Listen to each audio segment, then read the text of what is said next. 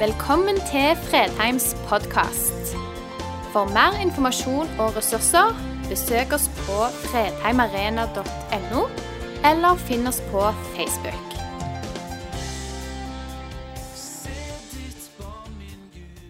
Når vi snakker om det eh, at sannheten setter fri, så er eh, tror jeg det er viktig å, å gå inn i det som går på eh, eh, gudsbildet. For har vi et gudsbilde, et bilde av Gud som er for lite, kan, eller som er feil, så kan livet fort bli ekstremt vanskelig å leve. Så litt av tanken min med den talen her er på en måte prøve å utvide rommet av hva et gudsbilde kan være. Hvem Gud er, og hvor mye han kan tåle av mitt liv. La oss bare starte med å få en ting klart med en gang. Gud kan takle den du er. Det livet du har levd. Din historie. Uansett. Spørsmålet er ikke om han kan takle det, men om ditt bilde av den han er, kan takle det. Om ditt bilde av Gud kan takle det.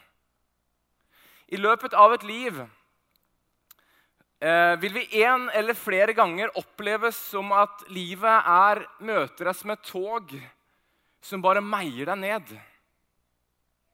På en slik måte at du knapt vet hvordan du skal få beina under deg igjen. Men på en eller annen måte så pleier de fleste av oss å få det til. på en eller annen måte. Men hva med Gud? Hva med kirken? Hva med relasjonene til de andre? Kan den bære det? Kan den bære mitt liv? Kan den bære mine historier? Mine sorger, mine tårer? Mitt knuste hjerte kan relasjonene bære det?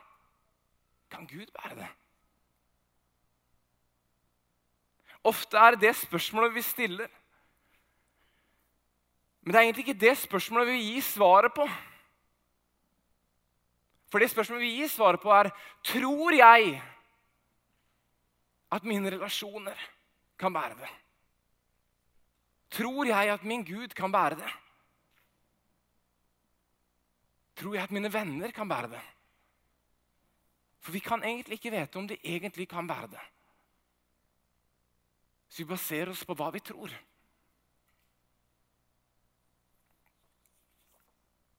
Det finnes en form for teologi eh, som har blitt eh, karakterisert som vi kaller for herlighetsteologi hvor alt og alle som tjener Gud, er i vente av jordelig suksess, lykke og glede fullt ut.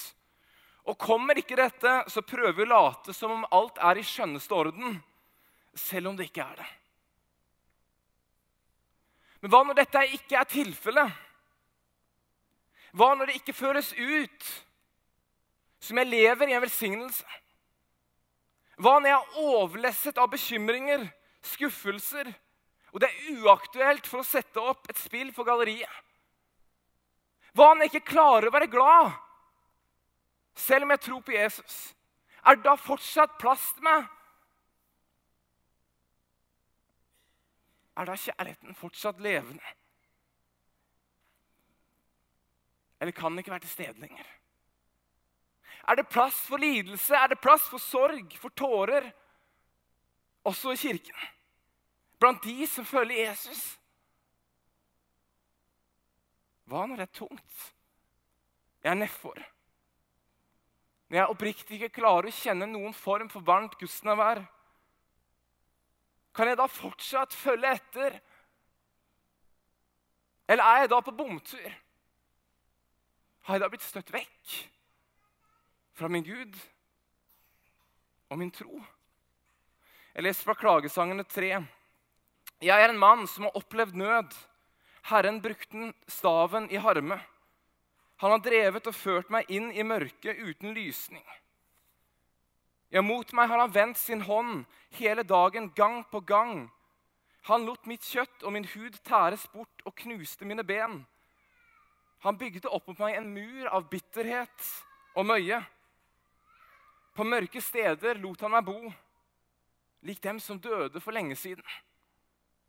Han murte meg inne så jeg ikke slapp ut, og la meg tunge bronselenker. Selv når jeg skrek og ropte om hjelp, lukket han øret for min bønn. Han sperret mine veier med tilhoggen stein og gjorde stiene krokete for meg. Du støtte meg bort, tok freden fra meg. Jeg glemte hva lykke var. Jeg sa det er slutt på min ære og på det håpet jeg hadde til Herren. Hva med denne fyren, da? Er han støtt vekk fordi han ikke lenger klarer å glede seg alltid? Er det noe feil med han? Kan han ikke være nær Gud fordi han opplever smerte? Har kjærligheten rent ut? Er alt håp ute? Gud tåler din historie. Gud tåler at du setter ord på akkurat det du kjenner.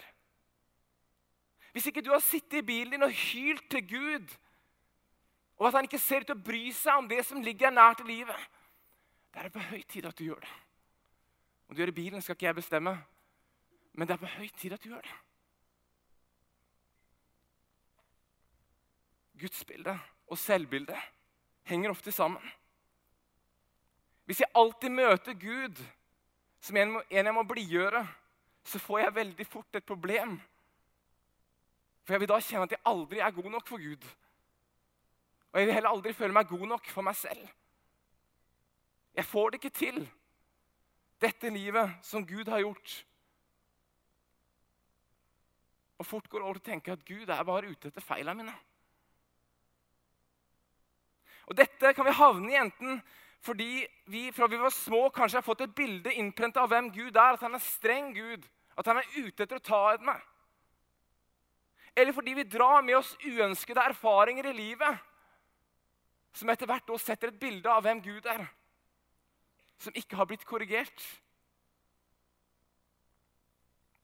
Og så lever vi i en tid hvor det nærmest er en forventningspress til at vi skal være glade og lykkelige. Men vi er skapt med de følelsene. Vi er skapt med sorg, sinne, glede, redsel, angst. De ligger nært oss som mennesker. Og hvis ikke det er rom for å bringe de følelsene til torgs for Gud, for Han som har skapt meg, hvor skal jeg da bringe de?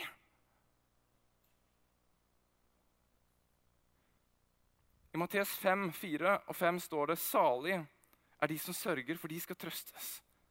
Salig er de nedbøyde, for de skal arve jorden.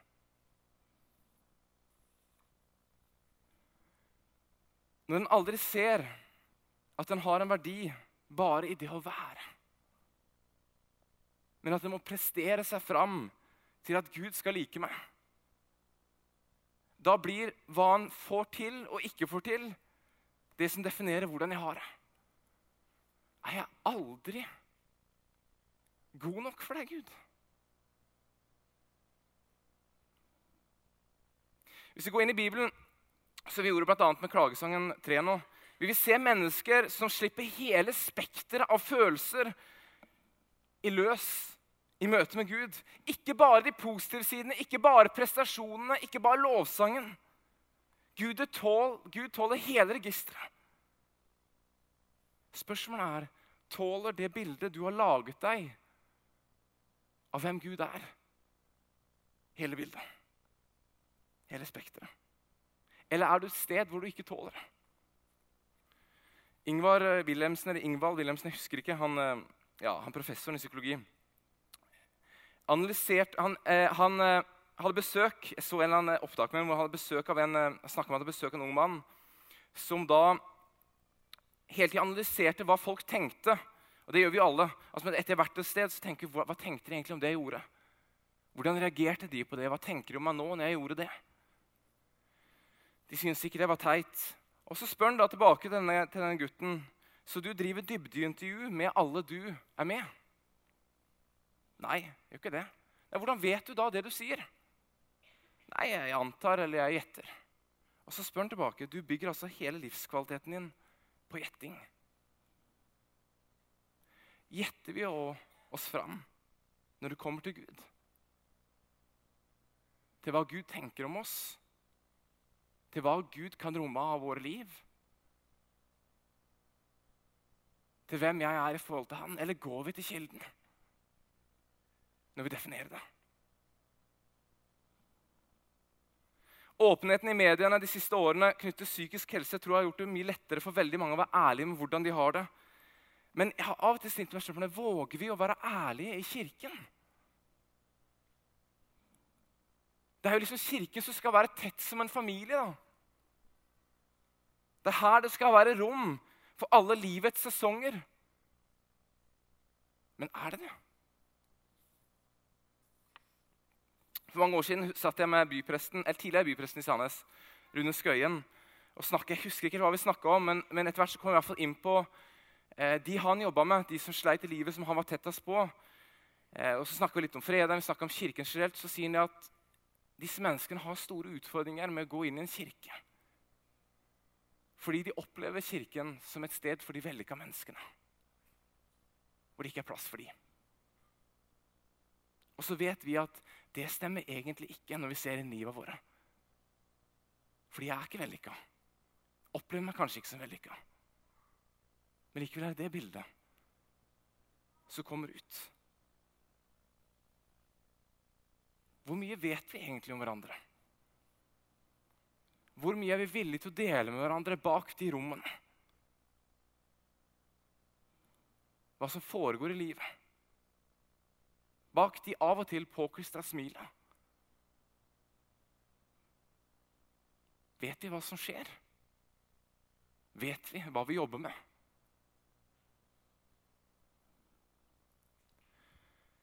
Faren er jo selvsagt når vi ikke slipper andre inn, at vi tror at det er bare jeg som har det tøft. Jeg gjetter på at ingen andre har det sånn som meg. Det er nok meg det er noe feil med. Det må nok være at Gud bare ikke liker meg. Jeg er ikke verdt å elske. Salme 1828 står det, 'Herre, du tenner min lampe. Min Gud lyser opp mitt mørke.' Den Gud vi tror på, kommer nettopp inn i vårt mørke. Og han tenner sitt lys der. Livet er ikke perfekt for noen. Mørket er òg et perspektiv av livet og av troen. Hvorfor tror dere vi har en bok i Bibelen som heter Klagesangen? Hvorfor er store deler av Salmenes bok en klage og en sorg til Gud? Hvorfor har vi bøker skrevet av vismenn som havnet i en så dyptgående krise i livet sitt at de klarer ikke å finne meningen med livet? Likevel havner i Bibelen? Hvorfor har vi profeter som blir ledet enormt konkret av Gud, men når de uttrykker hvordan de har det, så virker det mer som de har lyst til å bare legge seg ned og dø enn å gå videre? Du ser, Det hadde aldri kommet til uttrykk, disse følelsene og tankene, hvis de var forbudt. Men det er altså plass for disse følelsene og disse tankene i kirken i livet med Gud, i min tro. Og det er rom for å si dette, Gud. Jeg orker ikke mer. Hvorfor oppleves det ut som ikke du bryr deg om livet mitt? Hvorfor oppleves det som alt bare er i ferd med å knuse? Og jeg ber dag og natt, men jeg opplever ingen endring. Hvordan er det i det miljøet du er en del av? Er det rom for å slite? Er det rom for å ha det tøft? Og ikke bare motta sympati, men å kunne si rett ut 'Dette sliter jeg med'. Dette får meg til å tvile på Gud. Dette gjør meg så irritert på Gud. Dette gjør meg faktisk dritlei av å være kristen. Jeg vet ikke om jeg orker mer. Er det rom for å sette ord på det? Det er svært få historier i Bibelen som er historier om å danse på roser. Men det er ofte historier om å finne mening i det meningsløse. Om å finne håp, om å finne ny framtid. Og Det er derfor det er viktig at vi snakker om det.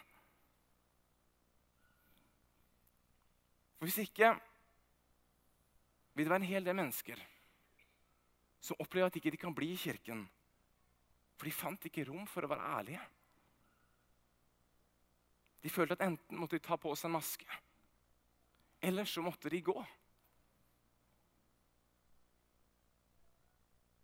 Hvis vi føler det eneste i livet som sliter, og har problemer med å få det til å gå opp med Gud, problemer med troen, kjenner sorgen og lidelsen og tenker Gud kan ikke romme dette,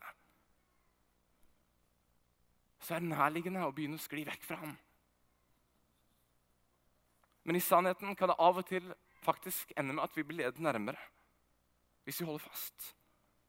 For også i sorg, i lidelse, finnes det håp. Vi forlot forfatteren i vers 18, hvor han da sa det er slutt på min ære, på det håp jeg hadde til Herren. Nå er vi tilbake i vers 21, og han sier, men én ting legger jeg meg på sinne. Derfor har jeg håp. Herrens miskunn er ikke forbi. Hans barmhjertighet tar ikke slutt. Den er ny hver morgen. Stor er din trofasthet. Jeg sier, 'Herren er mitt lodd'. Derfor står mitt håp til Han. Herren er god mot dem som venter på Han og søker Han. Det er godt å være stille og vente på hjelp fra Herren.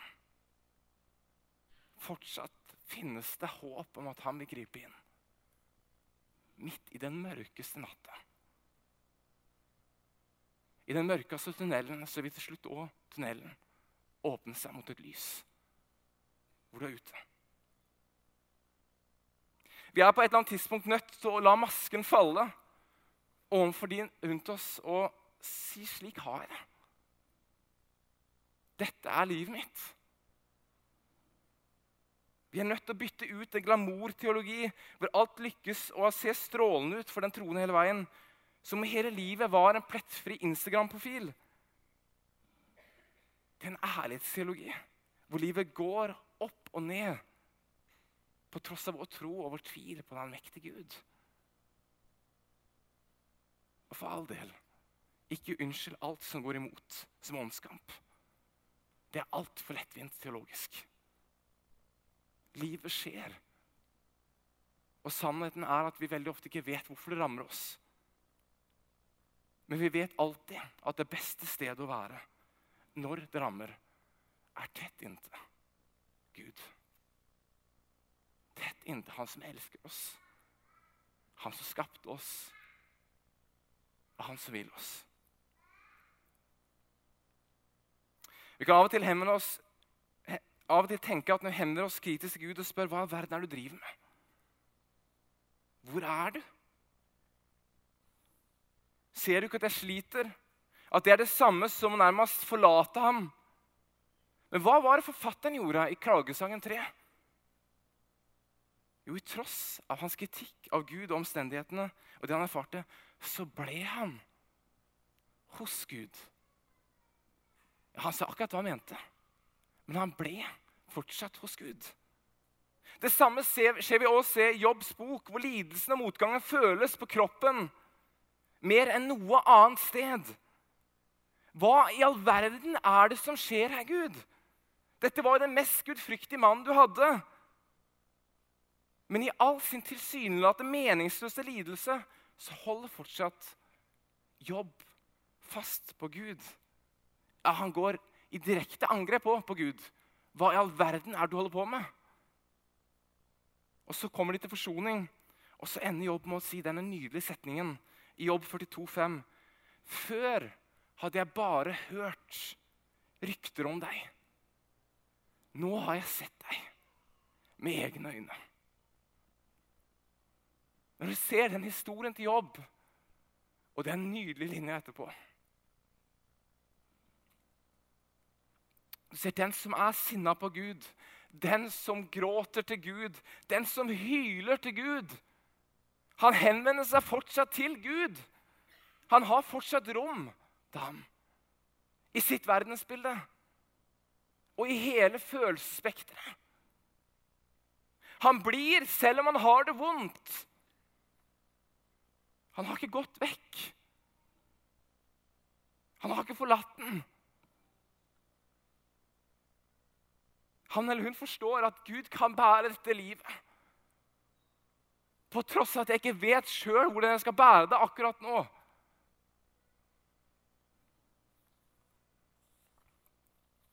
Hvis vi bare kan gå til vår Gud når vi er lykkelige, og til vår far når vi er lykkelige Hva slags far og hva slags Gud er det? Den som slutter å rope til Gud, slutter å gråte til Gud. Det er han som er i problemer. Fordi han henvender seg ikke lenger til Gud. Kanskje har han forlatt ham. Eller kanskje han ikke forsto at man kunne lide, man kunne gråte, man kunne klage. Man trengte ikke å forlate ham av den grunn. Det er et grunn til at For noen år tilbake så var vi, ganske mange år tilbake nå, eh, så var jeg i Nepal og jeg skulle hoppe i strikk. Jeg hadde sett veldig fram til det. Jeg gleda meg veldig til å hoppe i strikk. Helt til jeg begynte å tenke, reflektere litt over det når jeg fikk utlevert en sånn bunke med dokumenter på ting jeg skulle signere, hvor absolutt alt som kunne skje, det var min feil. De hadde ingen skyld hvis jeg skulle dø. Sånn. Da, på det punktet så begynte jeg å reflektere er dette en smart avgjørelse. Om det er grunn til at de legger fram disse arka fordi vi på en måte fraskriver seg absolutt all skyld. Det er en grunn til at når du reiser på uspesifisert reise til Syden, at du får utlevert et ark som forteller hvor ille, hvor ille det hotellet du kan komme til, kan, komme, kan være. Som regel slår det ikke til. Men skulle det slå til, så har de det på et ark at dette, dette vet du. Og det er en grunn til at disse bøkene er i Bibelen. Fordi det er historier om livet. Om oppturer, om nedturer. Men først og fremst historier om en Gud som forblir Gud i alle livets bølgedaler. Er gudsbildet ditt bygd på en grunnleggende tillit til Gud? Eller en grunnleggende mistillit til Gud? Eller en frykt for Gud? Gud, er det verdt å elske meg? Kanskje er det et spørsmål du stiller, men ikke sier høyt. Magnus Malm sier det slik Gud er god. Våre liv styres ikke av en blind skjebne, men av noen som vil oss vel. Jo mer erfaringen av Guds godhet bryter gjennom vår falske og trange gudsbilder, jo mer helbredende krefter frigjøres i våre modningsprosesser. Vi speiler oss alltid i noe. Hvilket bilde av Gud speiler du deg i? Er det et bilde av en Gud som tåler livet ditt? Eller et bilde av en gud hvor du opplever du må holde opp en maske før du speiler deg. Hvordan skal du orke å holde oppe den masken resten av livet ditt?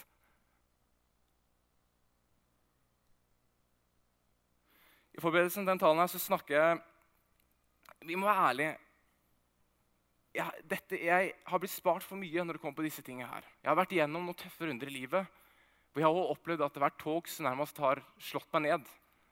Siste var når jeg mista mamma. De, alle vil jo miste foreldrene sine, men, men det var som å bli truffet av tog.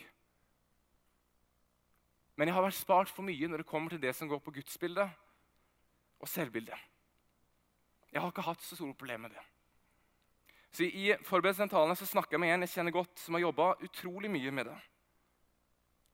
Og Han sa det slik at på et eller annet tidspunkt så må jeg bare velge å falle ned i de armene til Gud og ha tillit til at de holder. Og få kjenne og erfare følelsen over at de faktisk tåler det når jeg lander. En ung dame stilte spørsmålet til en prest. Jeg vet ikke helt hvilken plass Gud har i min framtid. Presten sa du stiller feil spørsmål. Du må stille spørsmålet hvilken plass har du i Guds framtid? Hva er fokuset ditt? At jeg skal slippe han, eller at han holder meg tett inntil seg?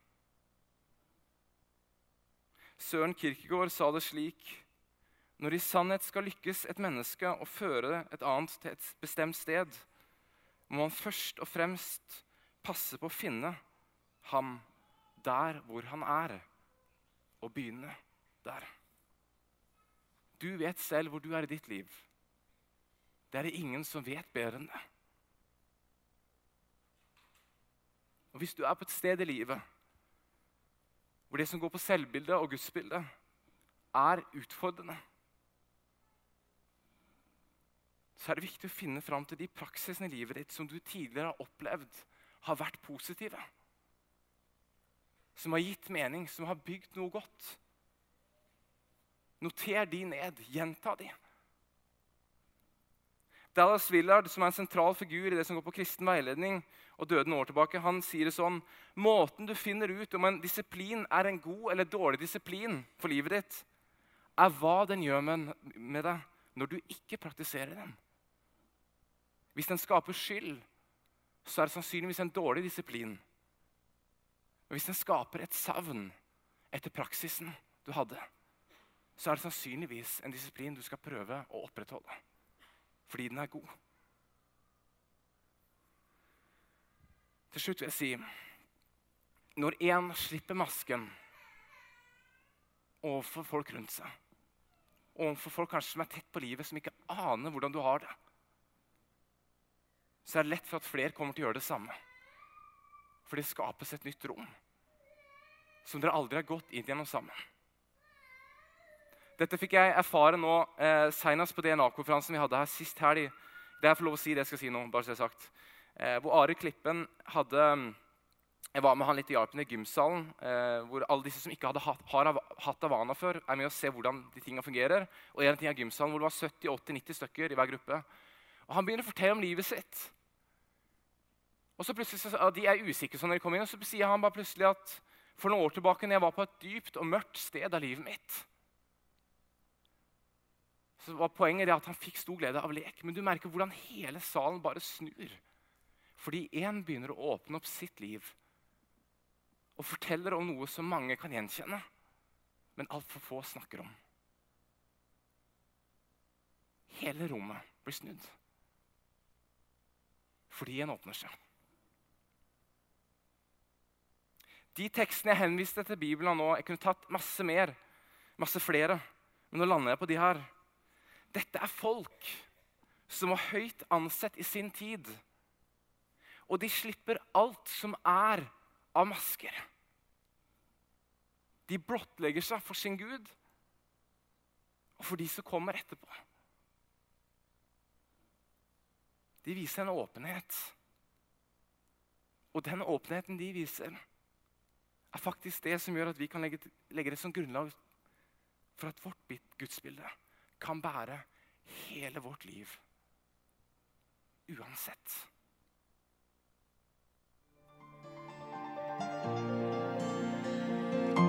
Takk for at du valgte å høre på. Nye opptak legges ut hver uke.